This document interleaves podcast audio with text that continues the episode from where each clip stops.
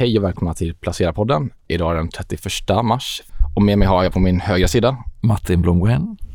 Daniel McPhee.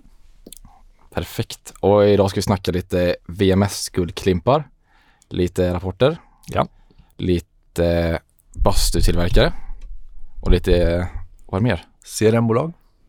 Perfekt. Och lite lastbilar. Ja, allt möjligt. En blandad kompott. Ja. Och lite börs. Och lite börs. Ska vi börja lite med börsen? Det har ju tuggat på ganska bra här det senaste. Ja, får man säga. Det är ju sista dagen på både månaden och kvartalet. Och jag tittade som hastigast här, nu sitter vi på fredag morgon, hur mars ser ut att sluta.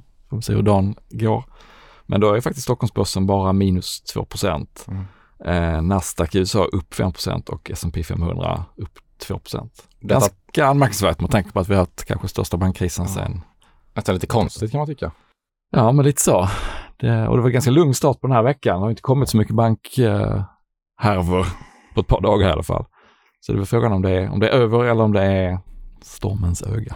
Ja, nej, men den här veckan har väl varit väldigt stark. Eh, förra veckan var väl lite surare och jag tror att vi bottnade nu här i, i måndags tror jag. Och sen dess har vi, Om det nu var botten. om det var Ja. ja. botten, men Ja, om man ser till de här senaste veckorna Ja, eh, så eh, kom vi ner där i måndags. Mm. Från, men då hade vi kommit ner ganska mycket förra veckan. Så att nej men det är ju oklart starkt får man väl Ja. ändå säga. Men det känns som att den här bankoron blåste över ganska mm. snabbt även fast den ligger lite där i bakvattnet på något sätt och lurar och man väntar på nästa. Gammelgäddan. Man vet inte vad som kommer liksom hända. Nej. Nej. Men det är klart, om, det- om det inte händer något mer då är ju effekten att centralbanken kanske blir lite försiktigare. Å andra Mm. sidan kanske bankerna blir försiktiga med utlåning så att det blir en åtstramning den vägen också. Men kan man lägga det bakom sig då kanske andra sektorer än just bank kan lyfta och det är väl det vi har sett på Mm. börsen där.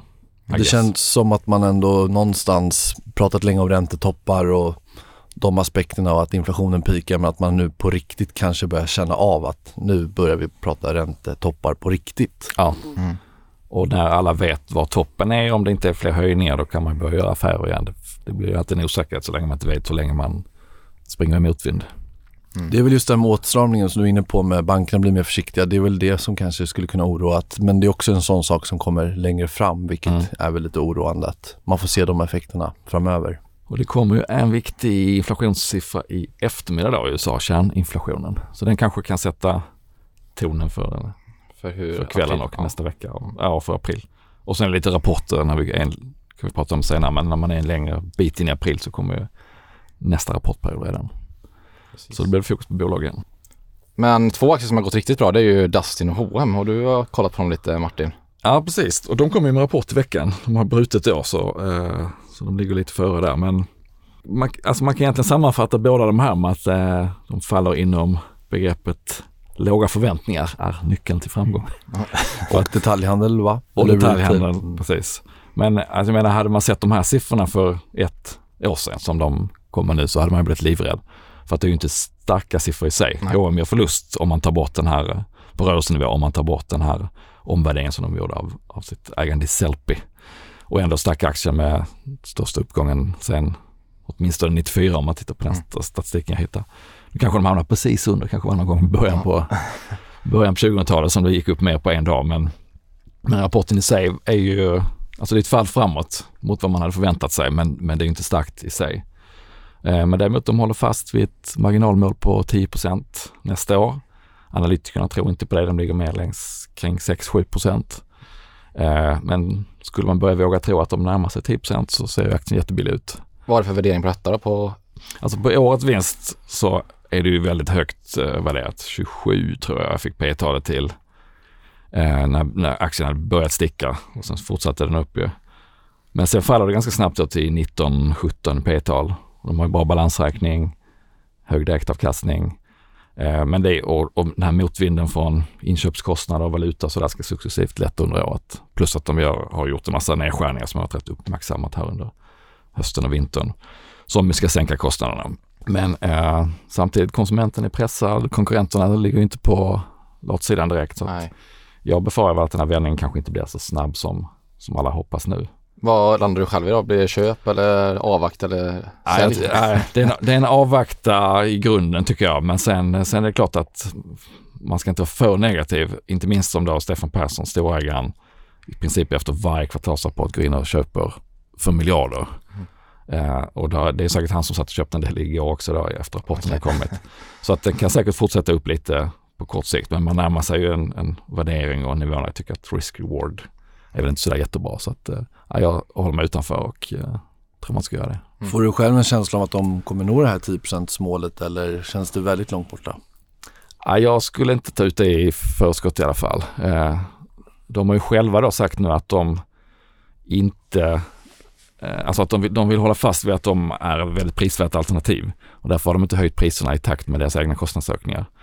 För att de har liksom en långsiktig kundrelation. Men jag vet inte om kunderna är så himla trogna ett klädmärke som, som de vill göra gällande. Eh, så det man kan hoppas då är att de inte behöver släppa tillbaka allt om, om sen inköpskostnaderna går ner och att de får upp marginalen på det sättet. Eh, och det vore ju konstigt annars för nu ligger de ju på kring nollan så mm. det är mm. klart att marginalen ska upp. Men upp till 10 procent, eh, ja, de har ju verkligen blandat och gett sista åren så att, eh, att alla nu springer på köpknappen efter den här rapporten tror inte man ska dra för stora växlar på. Så att, eh, ja, jag håller mig avvaktande. Eh, då tycker jag att Dustin är intressantare. Ja. Som jag är IT-återförsäljare som har, har, haft rätt så tufft och, och där har ju en stor farhåga varit att de ska behöva göra en ny emission. För de har väldigt hög skuldsättning efter att de gjorde ett förvärv i Nederländerna för, för några år sedan. Eh, den rapporten, precis som H&M hade man sett den tidigare, hade man inte tyckt det var bra, men, men det är ett steg framåt jämfört med förra kvartalet och de får ner lagret ganska mycket, så det är viktigt. att kassaflödet blir bättre av det. Eh, så att risken för nyemission minskar. De, de har haft ett vd-byte på gång som de har kommit skott med nu. Då är det finanschefen som tar över och de hade kapitalmarknadsdag tidigare i mars. Eh, med ganska positiva anslag på lite längre sikt.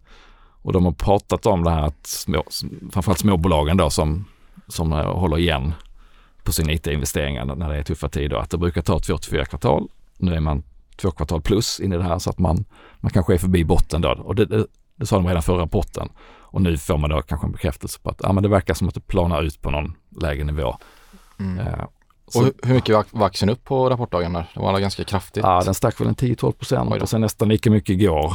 Nu backar den tillbaka lite på, på fredagen här, men eh, lite vinstantagningar antar jag. Men, men den ser fortfarande väldigt billig ut om de skulle komma ur det här och slippa göra nyemission. Mm. Men det är väl också en av alla de här aktierna som har verkligen varit utbombade tidigare. Ja, 60-70% ner från toppen. Ja, ja, ja. Men, de, men eh, de gör vinst och de har eh, positivt kassaflöde och skulden på väg ner. Så att, alltså jag, bland de här, mellan de här två så är det ju definitivt mm. Dustin som är mitt första val. Har du aktier själv i Dustin eller? I Dustin har jag, precis. Och vi har även med dem i vår sådana månadens aktiefavoriter. Och den måste nästan vara bäst där nu eller? Den var ju verkligen inte bäst för några veckor sedan, men Snabb vändning. Sen seglar den upp. Ja, vi får se var den här dagen slutar. Men, eh, och sen så gör vi ju en ändring i den här listan vid varje månadsskifte så att jag får väl sätta mig och fundera hur vi ska göra mm. inför nästa månad. Här. Men ni eh, som är lite mer tech, techiga än mig har ju kollat på massa andra spännande bolag. Mm. Ja, i alla fall jag. Ja, du har ju kollat också Daniel på de här CRM-bolagen, precis. Ja. De är ju lite nyare på börsen. Ska vi förklara för eh, män i min ålder vad CRM står för? Absolut, det är Customer Relationship Management ska man säga. Så att eh, de här, det är ju de erbjuder, och det är ju Upsells och Lime. Eh, och de erbjuder CRM-system till sina kunder, vilket är system då som hanterar kunddata som används för försäljningsprocesser, marknadsföring och det görs ju för att ja, hitta fler affärer, eh, utöka affärerna på de befintliga kunderna, förstå sin kundstock och kanske effektivisera försäljningsprocesser och det finns ju en väldigt stor bredd i det här. Då. Eh, men de riktar sig egentligen mer mot mindre och medelstora kunder eh, och är fokuserade främst i Sverige men båda finns utanför Sverige i Europa och eh, Lime då har mer mot Tyskland och även Nederländerna medan Upsells har i England ett fokusområde. Då. Så att de har ju växt väldigt bra. Båda noterades för tre fyra år sedan i, på Stockholmsbörsen. Mm. Eller ska jag säga att Upsells handlas på First North. Men Lilla Stockholmsbörsen. Lilla Stockholmsbörsen, precis.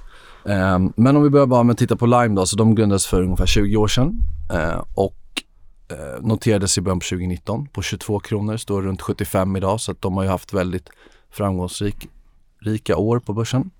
Uh, ägs till 42% av deras vd och grundare Daniel Wikberg. Han sålde dock en stor del av sina aktier, eller en stor del aktier ska jag säga, i början på februari. Eh, och det var väl 7% av kapitalet. till institutionella investerare. Så att, men äger fortfarande 42 procent Mm. så att det är ju väldigt mycket. Mycket skin in the game. Ja, Mm. bra med det. Verkligen. Och det här är ju den mindre av de två så att det är ett börsvärde runt 1,2 miljarder. Har över 90 procent av intäkterna som återkommande intäkter. Vad har de för marginaler då? Ebit-marginalen ligger runt 22 procent. Eh, men ehm, det som imponerar är att de har ju växt vinsten väldigt konsekvent senaste åren. Eh, sen har det varit en ganska gynnsam marknad för den här typen av produkter. Det är många lite mindre medelstora bolag som försöker digitalisera sig, Mm. eh, jobbar mycket med försäljningsprocesserna och effektivisera. Och, så att det är en väldigt stark trend i ryggen får man ju säga. De har runt 2000 kunder. Eh, så att, nej men de har, tycker jag, gjort väldigt bra. De har ju skuldfria, eh, kassa på 65 miljoner. Det är väl just värderingen då, vilket ofta de här typerna av bolag eh, Det finns alltid en hake. det gör ju det. Eh, och just de har väl ett P tal på runt 50 på ja, 22 års vinster då. Mm. Och, eh, men tittar man på price sales multipeln ligger den också på 9 då. För Mm. att all, de här typerna av bolag ser ju alltid oftast rätt dyra ut på P multipel då. Jag tycker det finns mycket att gilla med den här typen av bolag som konsekvent höjer vinsterna. Eh, nu är det inte någon jättelång historik visserligen, vilket Mm. man ska tillägga. Skulle det bli lite surare här så finns det risk att kunderna drar ner på investeringarna i CRM-systemen och inte fokuserar lika mycket på försäljningsprocesserna. Då. Men har det varit någon marginalexpansion liksom från att de noterade så att den marginalen har tickat uppåt hela tiden eller är det bara att de har legat och taktat på 22 eller vad? Ja, de har väl blivit lite bättre, eh, men inget sådär som sticker Mm, ut skulle jag säga. Och om man tittar på Lime då istället, de har ju funnits i 30 år ungefär och noterades eh, något år innan Upsales och börsvärde på 3 miljarder. Så de är lite större och har dessutom en tre gånger så stor kundstock på ungefär 6500 kunder. Mm. Där finns det lite inslag av eh, fastighetsbolag som kunder, vilket är en sån grej som skulle kunna vara lite mer stressande. Men samtidigt så just CRM-systemet är väl det sista man säger upp Ja. så jag tycker inte att det är någon stor issue. De har också växt sina återkommande intäkter väldigt mycket. En lite mindre del av deras intäkter är återkommande. Men tittar man på deras tjänster som inte är återkommande så har de också växt väldigt konsekvent och det är ju sådana tjänster som de säljer i samband med implementering och Hur har de här aktierna klarat sig i senaste åren? Alltså i den här tech, många techbolag som i grunden är bra, vilket som här verkar vara, har ju ändå fått en otrolig skjuts neråt. i- De har faktiskt klarat sig relativt bra får man ju säga. Mm. Ehm, Lime har väl kommit ner lite nu här senaste tiden men eh, båda de har klarat sig eh, bra. Eh, jag skulle säga att de är ordentligt plus i alla fall på även ett år. Nej, jag tycker verkligen som, som sagt, det är ju egentligen bara värderingen som jag tycker är lite ansträngd här och det kan väl alltid vara lite farligt. Jag har sagt att det är ingen brådska att köpa de här aktierna men det är Mm. absolut två aktier man kan äga över tid. Men om jag skulle köpa någon av de här aktierna, vilken skulle det vara och varför? Jag gillar nog Upsales lite mer, eh, just för att de har en så stor andel återkommande intäkter, skuldfria vilket känns bra i det här klimatet och sen så har de ju eh, en nettokassa då, eller en kassa på 60 miljoner. Eh, samtidigt så kan man ju hävda att det är ett mindre bolag, färre antal kunder vilket gör att risken i sig Mm. ökar. Eh, och de är lite högre värderade. Eh, så att jag tycker båda fyller sin funktion och du får en exponering mot den digitaliseringen och att det är uppenbart så att de har en historik av att lyckas växa intäkterna konsekvent och att de fyller en funktion och skapar värde för sina kunder. Så att, men om jag måste välja så. Ja. Men Lund, du tittade på, det var en annan trebokstavsförkortning här. Ja, eh, ja exakt. Det är VMS, VMS. Vertical Market Software. Så det är vertikala, det, man kallar, det, det är egentligen är det små nischer inom mjukvara. Okej. Så jag, jag har snackat om detta innan i podden tror jag. Mm, jag Eh, kände igen så något av det det. var där. Ja, Constellation Software, jag kommer in på detta snart, men Ja. vi kan dra lite vad det är för någonting. Det kan liksom, det är så smala marknader så det kan till exempel vara bowlingmjukvara, det nämnde jag förra gången som exempel. Det kan vara golfbanemjukvara för finsk, för finnar, liksom för fin- finländare. Eh, så det är extremt nischade Ja. ja, marknader kan man säga. Och detta leder ju till att det blir ganska intressant ur ett investeringsperspektiv. För dels har du att det drar åt sig ganska mycket mindre konkurrens för att det är ju ingen liksom IT-utvecklare som får för sig att starta kanske ja, mjukvara till golfbana. Det är väl Det är för smalt för att det ska liksom Ja bli exakt, en det drar, hype. det drar inte till sig så Nej. mycket eh, konkurrens helt enkelt. Eh, och sen brukar mjukvaran också vara kritisk och det innebär att kunden är beroende av den här mjukvaran för att kunna sköta sin dagliga verksamhet. vilket också ger pricing power för VMS-bolagen då, så vi kan höja priserna. Mm. Det är låg churn och byteskostnaderna är också ganska höga för det är inte ofta man byter sånt här eh, VMS-system då, eller man ska säga. Så jag har kollat på några VMS-serieförvärvare här då som eh, då investerar i sådana här bolag och köper upp de här. Eh, och det finns ett svenskt sånt här bolag, vet ni vilket det är? Som har gått väldigt bra på börsen och har gått upp 36 000 procent sedan noteringen 1998. Kan det vara Vitec? ja, ja, det skulle jag nog också lägga Det är Vitec. Så de, är, de har gått extremt bra. Vad har de för, det är så här fastighetsmäklare och advokater eller? Alltså det är väldigt mycket. Det är ju, de har 36 självständiga ben kan man säga, som är decentraliserat då. Mm. Eh, så exempel då som jag drog, drog innan då, det var att de, hade, de, de har ju det här bolaget då som gör eh, mjukvara till finska golfbanor mm. till exempel. Och så har de mjukvara för eh, kyrkliga verksamheter i Finland också. Alltså det är, som ni märker, det är väldigt så smala grejer då. Men jag tror väldigt många vet om det här bolaget så vi kanske inte behöver gå så djupt på det.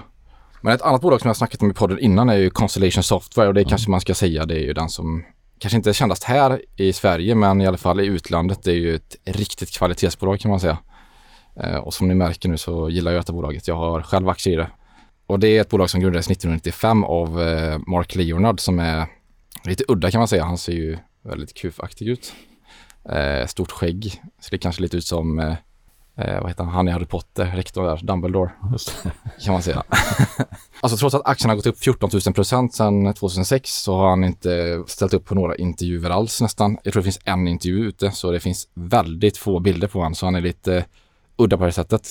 Kanske inte alls ser ut som alla tror då. Nej, han kanske, han kanske ser Tolka. helt annorlunda ut idag. helt nyrakad liksom. Kanske gå omkring på Stockholms gator. Yes, och eh, Constellation Software då, de är väldigt stora. Eh, de, har, eh, de är indelat sin verksamhet i sex olika ben, kan man säga, som är väldigt decentraliserat. Grunden är verkligen decentralisering. Man ger mycket ansvar ut till organisationerna som får ta ansvar själva då över de här förvärven och allt. Eh, och sedan de sedan de startade då så har de förvärvat 600 VMS-bolag. Så det är väldigt stort. Och för att ta ett exempel då så har ju Constellations verksamhetsgrupp Jonas, eller Jonas kanske man säger på engelska då, eh, VMS-mjukvara till eh, klubbar, nattklubbar, eh, spa och wellness-grejer då. Så det kan ju vara allt möjligt inom den sektorn. Och det som gör, eh, alltså gör att Constellation sticker ut ganska mycket, det är deras eh, incitamentsprogram. Och det går ut på att de som jobbar på Constellation får en kontant bonus beroende på hur de kan investera på olika nyckeltal. Så det är typ ROIC då, alltså return on invested capital, alltså avkastning på investerat kapital eller organisk tillväxt till exempel. Och när du får den här kontantbonusen då som anställd, då får du, då måste du investera den här, en del av den här bonusen på börsen i Constellation-aktier. Så det är ju egentligen raka motsatsen, eller inte raka motsatsen är det inte, men det är lite skillnad mot eh, vad man brukar ha i techbolag som ger sådana här stock-based compensation där du egentligen spär ut de befintliga aktieägarna. Eh, och de här aktierna som eh, du köper då över börsen som anställd måste du hålla i minst fyra år. Men faktum är att många håller kvar de här mycket längre så de så Constellation har egentligen skapat väldigt många rika anställda under sina år som börsnoterat bolag. Vilket är ganska intressant. Och det skapar, detta skapar ju också ett väldigt högt insiderägande i bolagen. Mm. Vilket man gillar ju som investerare. Eh, och så lite kort, de har ett marknadsvärde på 155 miljarder kanadensiska dollar så det är ju ganska stort som sagt. Men det är ju knappt några analytiker som följer detta bolaget och det är noterat i Kanada. Det finns alltså inte någon sån här dubbelnotering. Mm. Och aktien är upp 15 procent i år och eh, handlas till ungefär 30 gånger kassaflödet nu då på runda 12 månader. Och de kom med en ganska bra rapport också igår kan man tillägga. Så okay. därför aktien upp lite. Är det din favorit i sektorn eller? Ja men en av favorit, alltså det är ju något man skulle kunna hålla väldigt länge. Så nu såklart, allt kan ju hända, så allt kan ju gå åt helsike, det vet ju alla. Men eh, jo, det är något som jag tror man kan hålla väldigt ja. länge. Ja, men Constellation är i alla fall en favorit. Ja. Men ett, ett bolag jag gillar ännu mer, det är nästa då, det är Topicus här. Eh, som är en avknoppning från Constellation. Så det är ett, en, ett verksamhetsben som har knoppats av och det TSS då som var ett Constellation, en del av Constellation innan, eh, förvärvade Topicus då, ett nederländskt VMS-bolag. Eh, så då satte de ihop detta bolaget och så noterade de detta på kanadensiska börsen eh, som topicus.com heter det. Är de mer fokuserade mot Europa eller? Exakt, så huvudkontoret ligger i Nederländerna och de här fokuserar på VMS-bolag bara i Europa då. Eh, och idag kommer ungefär 60% av försäljningen från Nederländerna. Men det här kommer ju spridas ut över Europa i takt med att de blir större då. Men det är inte noterat i på Nej, nej. nej det är också noterat på Kanada. Okay. Men det jag tycker är intressant med detta bolaget då, dels att det är mycket mindre, men också att det är i Europa då, för den här, den här marknaden i Europa är ganska mycket mer fragmenterad på grund av olika kulturer och språk och så vidare. Eh, så jag tror det finns en lång runaway här att ta då, att bli mycket större än vad man är idag. Och man växer dessutom lite bättre organiskt än vad Constellation gör då. Så det finns en anledning varför de här, de här är lite dyrare, de handlas till 35 typ gånger kassaflödet. Så det är lite dyrare detta bolaget. Eh, och jag har ju dem också i mm. min portfölj. Eh, och de är upp runt 40 i år som har gått väldigt bra. Man tänker att de skulle kunna gynnas ifall det skulle bli lite surare nu och faktiskt kunna börja förvärva lite mer. Ja, då har de förvärvat mycket mm. senaste åren. Ja, de förvärvar mycket hela ja. tiden liksom så det är ingen det är ingen broms liksom där. Men eh, absolut, sen är det ju att de kan höja priserna också med inflation här nu som kan gynna dem också. Mm. Är de högt skuldsatta liksom? Så de, Nej. Så de köper med kassaflöde? Ja, eget kassaflöde. Eget kassaflöde. Lite skulle de väl, men ja. inte alls så här att det är läskigt mycket. Nej. Ja, intressant. Eh, vad hette de? Topicus? Topicus.com. Ja. Också tillägga att Constellation äger 30% av bolaget och har en röst, väldigt röststark röst mm. eh, som ger att de har kontroll över hela bolaget.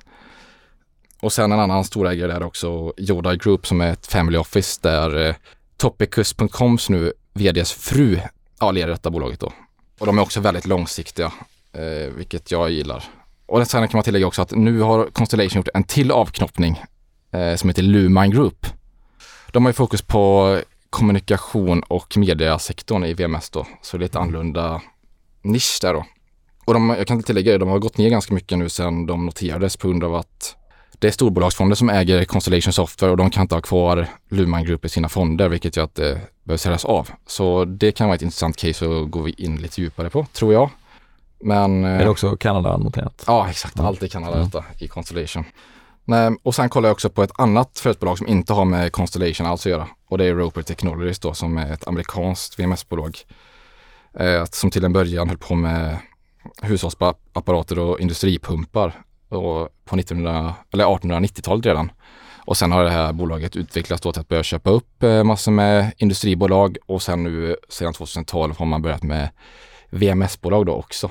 Och den har också gått väldigt bra på börsen. Den har gått upp hela 20 000 procent sedan noteringen 1992. Men sämre än Vitek då? Ja. Kast. Sopor. Ja, riktigt dåligt. Nej, men detta var några bolag ja. som jag har listat upp här. Så ja. det var kul att skriva om. Det som några man måste grotta ner sig lite mer i.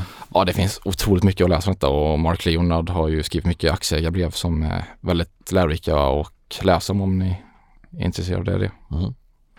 Ja, Martin, du har kollat på Traton också. Ja, det är lite andra värderingar där kan ja. man ju lugnt ja. säga. Ja. Eh, Traton, detta lite märkliga bygge då som ju är Volkswagens sammanslagning av sina tunga fordonsbolag. Vilket är då MAN och, och de egna Volkswagen tunga fordonen och eh, Scania. Och så köpte de även då amerikanska Navistar häromåret. Och det här gick till börsen för fyra år sedan snart. Det är ju verkligen ingen succé, den är ner sedan dess eh, av en massa olika skäl. Men ett viktigt skäl är ju att den free floaten är väldigt liten. Det är bara 10% av aktierna som handlas på börsen. Resten äger Volkswagen själva då. Eh, så det, det, är väl en man ska säga, mer teknisk förklaring. Sen så är det också att de har inte gått speciellt bra. Eh, och det kan man väl eh, härleda till att det som oftast ser ganska bra ut i ett kalkylblad, att man tar några bolag och så ser man så här mycket synergier finns om alla bara skulle mm. göra som vi vill i Excel så blir det bra så blir det ju sällan i verkligheten, speciellt inte om man har starka varumärken och starka subkulturer i de olika organisationerna. Och i det här fallet så är det då Scania som har varit lastbilsstjärnan alltid nästan, eh, som ska slås ihop med MAN som verkligen inte har varit stjärnan och Volkswagen egen del. Eh, så att, att, få de här att samarbeta på ett bra sätt har ju tagit tid eh, och det är fortfarande så att man läser om chefsbyten var och varannan månad känns det som. Men eh, nu tror jag att man kanske är förbi någon slags någon slags jobbig bottenpunkt därför att senaste rapporten så var Scanias, Scanias resultat var riktigt bra, bättre än Volvos för första gången på väldigt länge. Och Traton-chefen Christian Levin är också Scania-chef. Och det är väldigt tydligt att Scania har fått ta liksom en ledande roll i hur det här ska se ut nu när man börjar pussla ihop allting. Och man har, eh, man har utvecklat en gemensam dieselmotor som alla varumärkena kan använda framöver. Där har Scania också varit ledande. Man har använt Scanias modulsystem som man gör för att få ner antal komponenter och liksom effektivisera hela produktionen. Så att den här Scaniafieringen som man kan, kunde hoppas på börjar nog faktiskt bli lite verklighet. Jag tänkte på det förutom just frågan om kalkylbladet och att det är Ja. så i praktiken. Också det här med att saker tar väldigt lång tid. Ja. Eh, Så att jag menar, det kan bli väldigt bra men Det det, kan- tar precis. väldigt mycket längre tid än vad Och man det tror jag är lite fallet att man har lite tröttnat på, på att det bara inte händer liksom Mm. på riktigt. Men det har behövt ta den här tiden kanske och kanske ytterligare tid.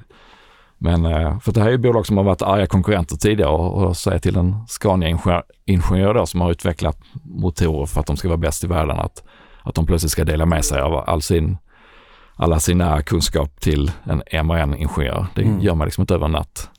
Eh, utan då måste man sätta ihop gemensamma team och, och det kommer bli motstånd mot det till att börja med. Men nu tror jag man kanske ändå är, har kommit så långt så att, Mm. att man kan börja få ihop någonting som sitter ihop. Eh, och allt det här kan man då få till ett P-tal på fem ungefär. Oj.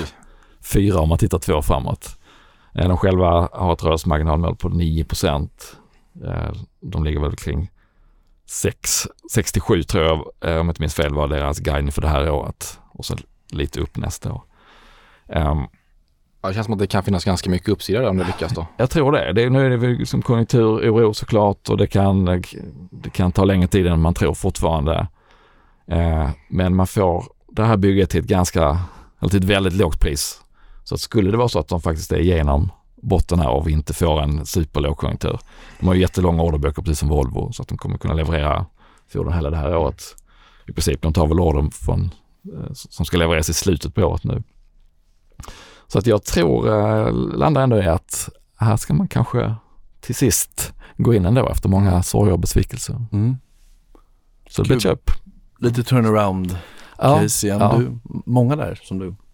Turnaround ja, det är livsfarligt att bottenfiska, det vet man ju. Men, eh, Men hittills har det gått väldigt bra. Ja, Dustin och det här. ja, när det nappar är det kul. Ja. Men, eh, det gäller ju Det att, det gäller att ha lite tidsperspektiv också. Att det, det kan ju komma nya besvikelser innan det Mm. vänder. Men, men eh, när det väl har gått så långt så att värderingen är så nedtryckt att det räcker att man inte kommer med besvikelser längre. Mm. Då kan det gå ganska snabbt uppåt. Mm. apropå då H&M och, och Dustin tidigare. Och skulle man kunna se samma eller motsvarande i, Traton om man bara lyckas leverera på det man lovar.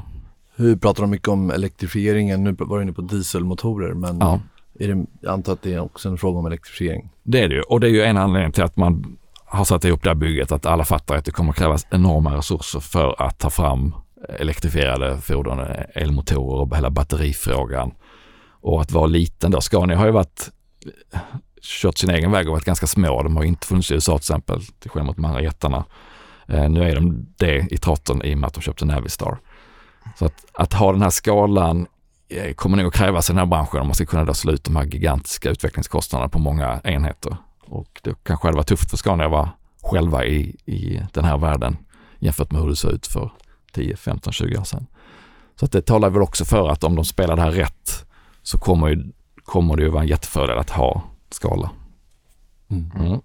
Det vill säga, det, är- det är faran är inte över för att det kommer nya ska man säga, intern, intern ineffektivitet. Det ska man nog räkna med men eh, ja, jag, jag tror man kan ta ett bett på att de är förbi det värsta. Spännande. Mm. Ja men Daniel, du har ju kollat på en finsk bastutillverkare. Ja, Harvia. Harvia. precis. Harvia. Eh, man kan ju tänka sig också att de skulle vara väldigt lågt värderade men de har ju faktiskt eh, varit väldigt populära men de Mm. har också varit väldigt lyckosamma. Ehm, En av pandemivinnarna deluxe får man säga. Ja, verkligen. Eh, kanske lite mer otippad pandemivinnare skulle jag säga, men eh, de fick ju verkligen uppsving under pandemin. Eh, när folk skulle investera i sina hus och hem och basta istället för jobba kanske. Jobba i bastun. Exakt.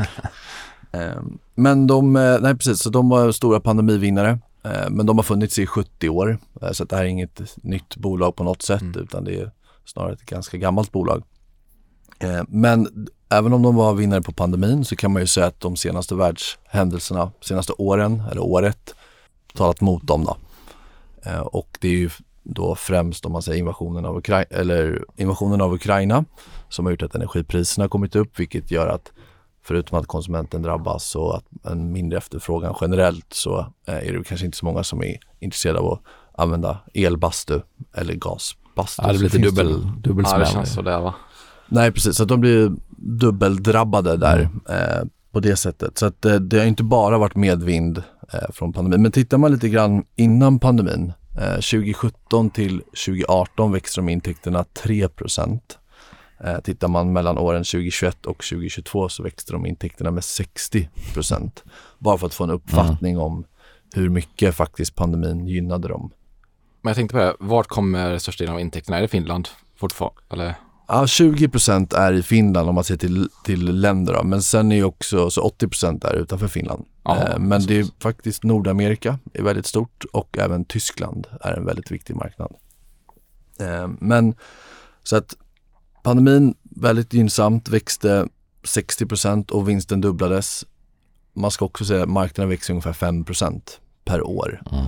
Eh, så att, att de växte intäkterna med 60% säger rätt mycket. Deras egna mål är dessutom att växa mer än 5 det vill säga snabbare än marknaden. Så att det kan väl också ge någon form av fingervisning kring ungefär hur snabbt de mm, mm. kommer växa och i ljuset av att de växte 3 eh, intäkterna under 2017 till 18. Nu är det ett helt annat bolag idag visserligen. De har gjort förvärv under tiden så att man ska inte läsa in för mycket i det. Men det kan vara bra att men den här, vad ska man säga, den här installerade basen av nya Bastus, de som, det som gick upp 60 då, det, det riskerar ju att ligga dem i fartet framöver då, för man byter inte bastu årligen, de flesta. Nej, precis. Visserligen de har lite reparation underhåll och sådana delar, men absolut, det är väl det som talar emot dem då. En fortsatt höga energikostnader, en försvagad konsument. Mm. De har ju en del mot professionella sektorn också, men det väger ju ändå inte upp. Mm. Eh, och som du säger då, att en överkonsumtion mm. av eh, bastuutrustning och mm. bastuanläggningar generellt. Då.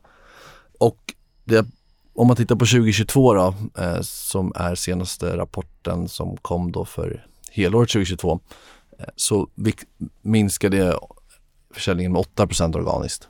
Så det var inte så illa som man ändå kan tro. Eh, och vinsten var ner 20% Däremot det som jag skriver då som jag tycker man ska ta med sig att man ser i fjärde kvartalet så har den här försäljningsminskningen accelererat. Då. Så att där var, då var försäljningen ner 20% istället och vinsten halverades mm. Q4 mot Q4 och det är ett viktigt kvartal. Nu här om en månad så kommer kvartalsrapporten för första kvartalet och det är också en stor och viktig rapport. Så att jag sa väl det att man ska nog vänta. Aktien har gått väldigt starkt i år. Eh, var också en av de här pandemivinnarna som gick rakt upp under 2021 och sen kraschade. Men sen eh, under, sen november förra året så har den nästan dubblats skulle jag säga, eller 70, 70 procent i alla fall. Så att värderingen handlas på, ja, den handlas väl på, ja, det beror lite på. Jag, jag, min känsla jag får är att analytikerna kanske är lite eh, optimistiska. De räknar väl att vinsten går ner 20 procent eller något sånt där. Eh, tittar man på Q4 isolerat när vinsten halveras så kan man ju känna att ah, det kanske blir värre än mm, så. Mm. Men eh, det är ju väldigt svårt att veta såklart. Men eh, så att analytikerna förväntar sig att vinsten hamnar på 1,25 euro och då handlas den till P17. Inte överdrivet dyrt men om man då tror att de kanske ligger lite högt så eh, blir det P20, 21 kanske mm. snarare. Och sen så förväntar de sig också att 2024 ska, ska tillväxten ta fart igen och att försäljningen ska landa i, mål, eller i, i linje med 2022 siffror. Då. Så att där kanske också att det tar jag får lite känslan av att den här försäljningstillväxten och vinsttillväxten framåt inte riktigt kanske går lika snabbt som, att, som man hoppas på. Mm. Men det är klart, för de några riktigt usla kvartal här så kommer ju jämförelsesiffrorna nästa år se väldigt bra ut. Så att när man börjar komma lite längre fram så kanske det är läge att plocka upp en sån här. Absolut, och då pratar vi kanske då Q4 nästa år som blir väldigt bra redan. Mm. Eh, så att nej men eh, jag tycker det är väldigt svårt. Jag gillar caset. Eh, det är uppenbarligen kvalitetsbolag, bra produkter. Eh, har faktiskt en tillväxt i Nordamerika. Alla andra regioner eh, sjunker ju rätt mycket. Tyskland till exempel var ner 40% i försäljning under mm. Q4 som är då en viktig marknad. Mm.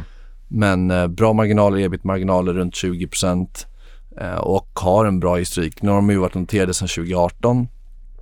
Gick in på 5 euro och handlas nu väl runt 21 euro och eh, ja, har uppenbarligen bevisat sig bra. Mm. Så att det är ju absolut något jag själv kan tänka mig äga Men jag skulle nog vilja vänt- invänta första kvartalet här för att se om det skulle kunna vara riktigt blodigt eller om de lyckas hålla emot bra. Så blir avvakta då. Ja, vänta lite till rapporten men långsiktigt tror jag absolut att det är en bra aktie. Ja, Ja. kul. Men äh, du äger inte den själv då? då? Nej, men jag skulle absolut kunna tänka mig ägaren och, och jag menar timing är ju alltid supersvårt Ja. så att eh, jag tycker inte att det är fel den från de här nivåerna men just det här med att det skulle kunna bli Mm. eh, nedsidan känns som att den kan vara Ja. stor här. Ja, ja, jag är på din linje där tror jag. mm. Egna affärer då? Har vi gjort någonting i veckan? Inte mycket för min del. Jag har gjort eh, en liten ökning i Revolution Race Mm. som jag köpte för några veckor sedan. Eh, det har inte hänt någonting där egentligen från att, utan att aktien har gått ner lite Mm. grann. Eh, så jag, jag tog en liten post först och så har jag ökat lite den nu. Mm. Utan någon djupa analys och så. Ja, men jag har gjort lite affärer. Jag, senast vi poddade var ju en torsdag eh, och sen så var det rätt surt i fredags och måndags. Så att då, Vad hög du? då högg jag direkt. Ja, Eh, kan inte hålla kassan länge.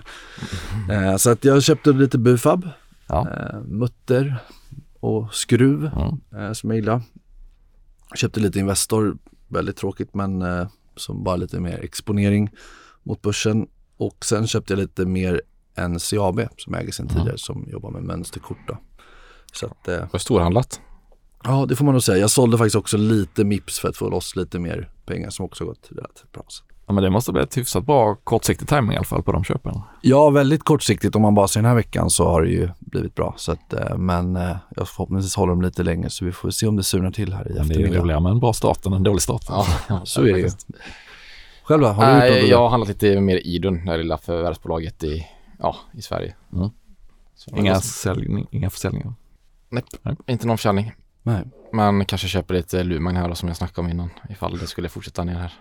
Men, Då tar vi helg eller? Ja. Ja, det känns så va? tycker jag. Ladda för ett nytt kvartal. ja, tycker jag. Trevlig helg. Trevlig helg. Trevlig helg.